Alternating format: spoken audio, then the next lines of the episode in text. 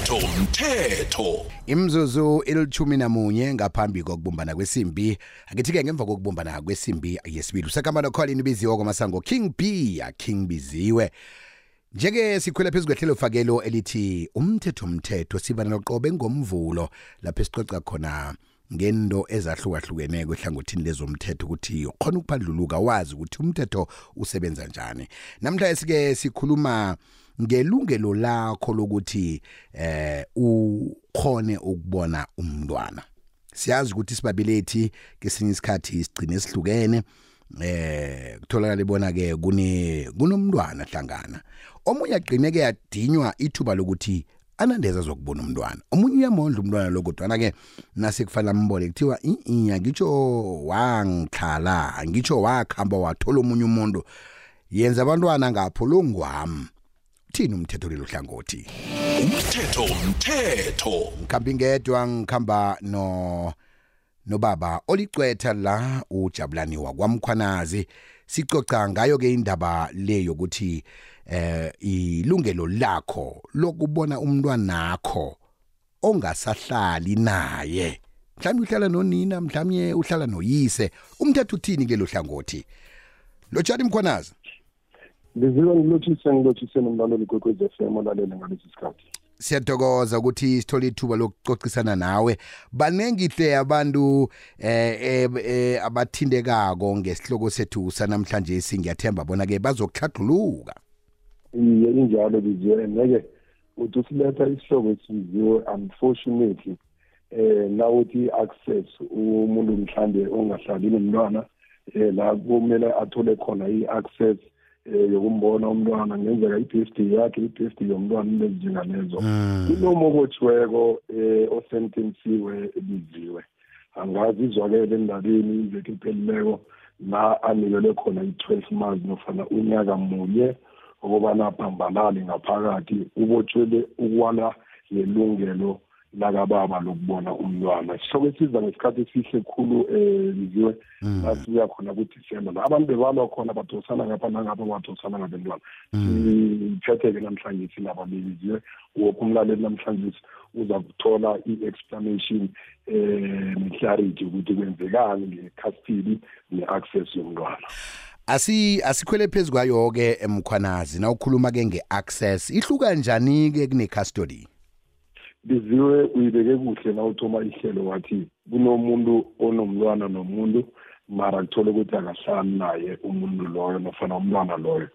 Lokhu kunanto esibiza ukuthi i-custody kula uma nofana ubaba ahlala nomntwana on daily basis onakelela ama-needs omntwana uhlala naye every day usuka i-crash asukele lapho kuye nofana uye esikolweni asukele kusho ukuthi uhlala naye isikhathi esiningi bese i-custody-ke leyo la ayithole khona ngombana nakuvele ujwayele ukuhlala naye nofana uhlala naye umntwana le eyi-access esibiza ukuthi i-access kulokha lo ongahlali nomntwana ekumele abe nethuba lokuba nomntwana eh ngenzela mhlawumbe nizadecide ngayo ukuthi ngojuni akuvala inkolo uyakuhamba aye kulo ongahlali nomntwana eh ngodisemba ukuthi vele ukuthi ni-alternata njani ngenzela umntwana aza kuza. Ye-access le umzali ayitholako lungelo lomntwana eh analo lokuba nomzali eh nofana lokuba eh nobabakhe nomamakhe ngaleso sikhathi. I-access le umzali ayigcinako ngoba nakho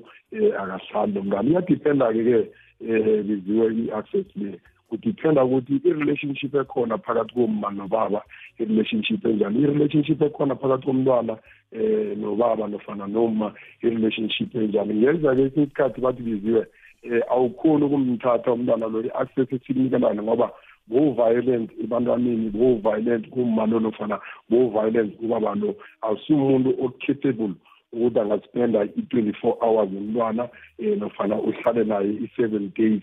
Um mihlele endlini eyi-one kuyenzeka-ke ubona abanye abobaba nofana uma abona umntwana mhlawumbe e-restaurant ethizeni um la azahlangana naye khona azilunch khona la abe um nofana umntwana angaphasi kwe-supervision yomzali oze naye ngaleso sikhathi. Umbone mhlawumbe i-three hours leyo nofana i-two hours leyo i-access onayo iyadependa ukuthi ungubaba nofana unguma onjani um emntwaneni ngaleso sikhathi ofuna ngaso i-access. Mara i-access ngaso sonke isikhathi omunye nomunye umzali unelungelo lokuthi eh ayithole mangabe akahlali nomntana that's why sihlukanisa ikastiri kulokhu ahlelelayo umzali ahlala naye on daily basis. I-access yileyo uzayithola ngesikhathi leso enivumelene ngaso ukuthi khona ukumbona umntwana leziyo mkhwanazi eh ngiya ngiyabona la kunomunye wabalaleli bethu uthi eh a parent should be denied access to the child. Unless he or she has been deemed unfit.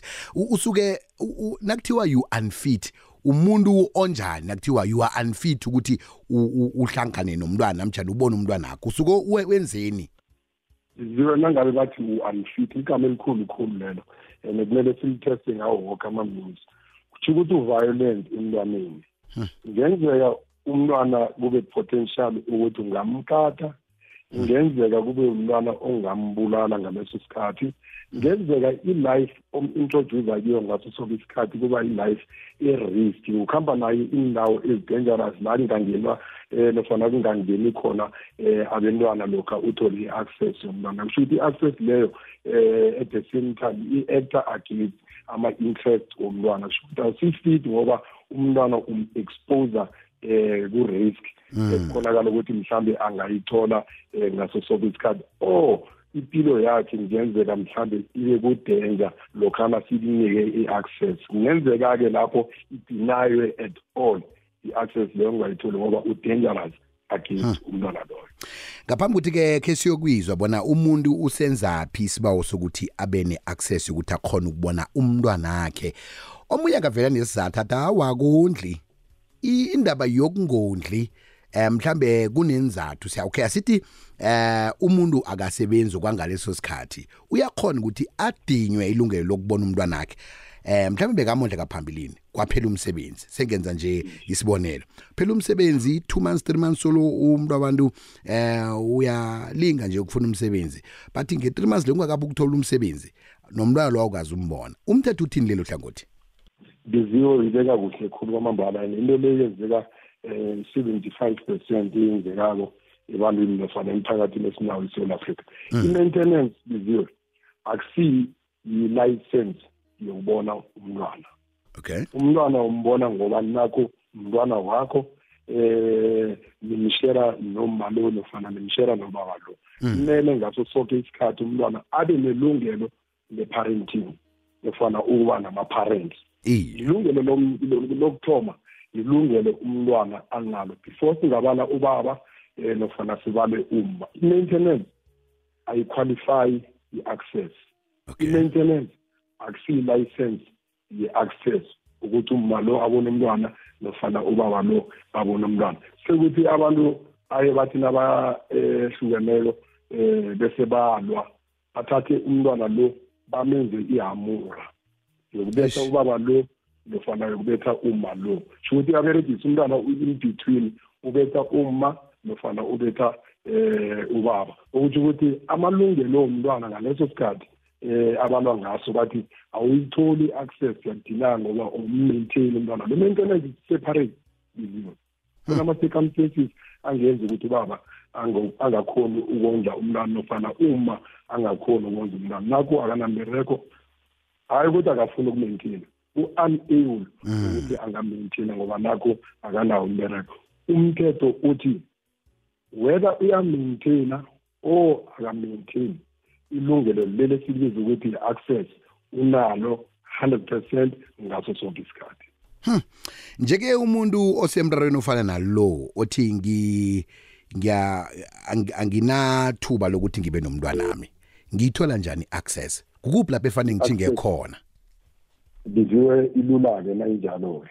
Nangabe mhlambe kuyenzeka kwesinye isikhathi biziwe ayi- ayifuni ukuthi nibe niye khotho mos. Mm nawazi ukuthi ubaba lo ubaba womntwana lo unelungelo lokumbona amthatha naye and the more amthatha aba ne-access nomntwana lo the more kujabula umntwana. Ngaphandle kwakho wena mama nofana baba umuve on nomunye umuntu la ojabule khona.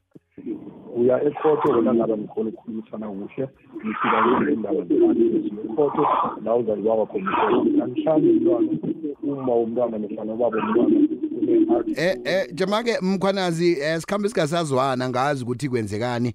Eh ngiba ukuthi ngikubeke phasi umtata wakho ngikudosele ngobutsha ngoba nangasuthi kuhlangana imtata emibili eh uzwakala kabili la ngikhona ukuthola ukuthi kwenzekani. Ngiba ukuthi ke eh ngikubeke phasi kanje ngizakubuya ngemva kokuthi ngithekise ngikudosele godo umthetho umthetho.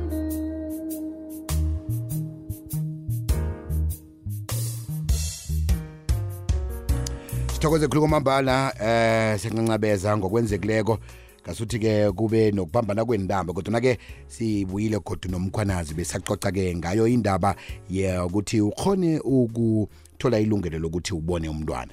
Mkhwanazi bo usahlathulula ukuthi umuntu uchingaphi khona aza kufaka isibawo sokuthi abe nelungelo lokubona umntwana wakhe iye biziwe into lula um ekhona biziwe ngoba umthetho umthetho umuntu unelungelo lokuya lapha ekhotho afike atsho ukuthi mina ngine eh uma engihlala naye une custody nofana ubaba engihlala naye une custody yomntwana. Ngiba ukuthola i-access eh yomntwana ukumbona ukuba naye ngama terms aso.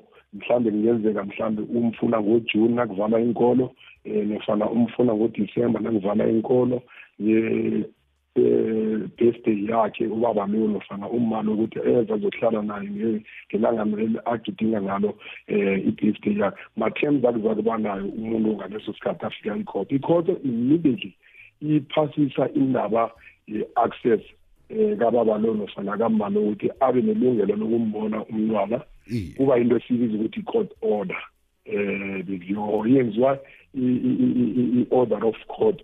Imatter leyo access ngaleso sikhathi. And immediately kune court order ngizokusho ukuthi uya-ordara ukuthi wenze ngendlela ikhoto efuna ngayo nofana ngendlela ikhoto edecide ngayo. That's why namhlanje sibona uma loya ubotshwe i-12 months yonke ngoba ucontempt ikhotho udelele isitumo sekhoto lesesithi akambone eh ngamalanga athize eh nofana ngenyanga ezithize abe nomntwana. Umdinayile eh i-access nanoma ikhoto ideclareile nofana irule ukuthi abe ne-access. Ubotshwa-ke loko once wacontempta i-court order ukuthi ukuthi angaphakathi ejele. That's why sithola uma obotshwe ivekeleya angaphakathi uthole i-12 months yonke ngaphakathi. Lokho ikhoto irulile ukuthi ubaba akambone ngesikhathi esithize nofana uma akambone ngesikhathi esithize kube yi-court order. Therefore kumele ngaso sonke isikhathi ucomply ne-court order leyo. I-access ngendlela engayo biziwe leyo umuntu akayekhoto ayeyifuna khona. Sesivala ke mkhwanazi ngengiwapha amaphuzu aqakathekileke efanele siwazi bese ke usiphi inomboro zakho zomtato khona sakuhlathuluka ukuya phambili nangemva kwehlelo. Biziwe esikhathini esiningi nasikhulumisa indaba ye-access ne-custody yomntwana.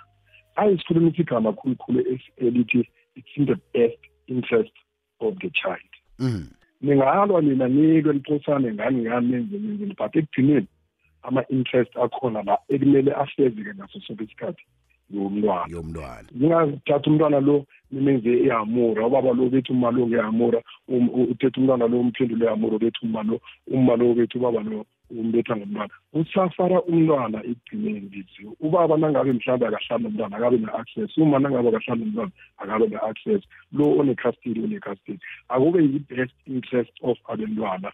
Aye siyelelise ngaso sonke isikhathi. Asinakeleleni umntwana before singafezeketha or sifeze ama bhudango wethu nofana ama-interest wethu ngaso sonke isikhathi. Yindlela esothola uma lo abotshwe ngayo lapha ubotshwe i-twelve months une-criminal record. Ngenzeka naka-aplayo le-record ngekasawuthola nofana uza kudecline ngaso sonke isikhathi naka-aplayako siyayiyelelisa indaba yokubana uma nofana ubaba athathe umntwana amenze ihamura against each other siyayihlukanisa biziwe siyazi udisemba uphelile ijanuwari nje kufuneka ama-stationary kufuneka ama-titeki nezinjengaleyo urarone nede kufika lapho biziwe njeke inomboro zomtato sikuthola kizo nangesifuna ukuthi-ke sinabeleke ngokudluleleko um ngemva kokuthi siphume emoyeni nje.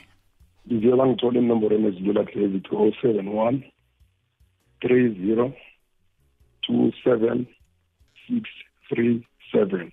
O seven one 3027637 khona sithokoze khulu kwamambala ungadinwa ngithi nangesikhathi esizako siba ukuthi usabile nasikubiza kwangitsho sithokoza mina Steve. sithokoza khulu kwamambala bekade sikhulumisana naye ngubaba ungoliqwetha eh ubaba ujabulani wakwamkhwanazi. Ngiyathemba bona udobhadobhileke lapha.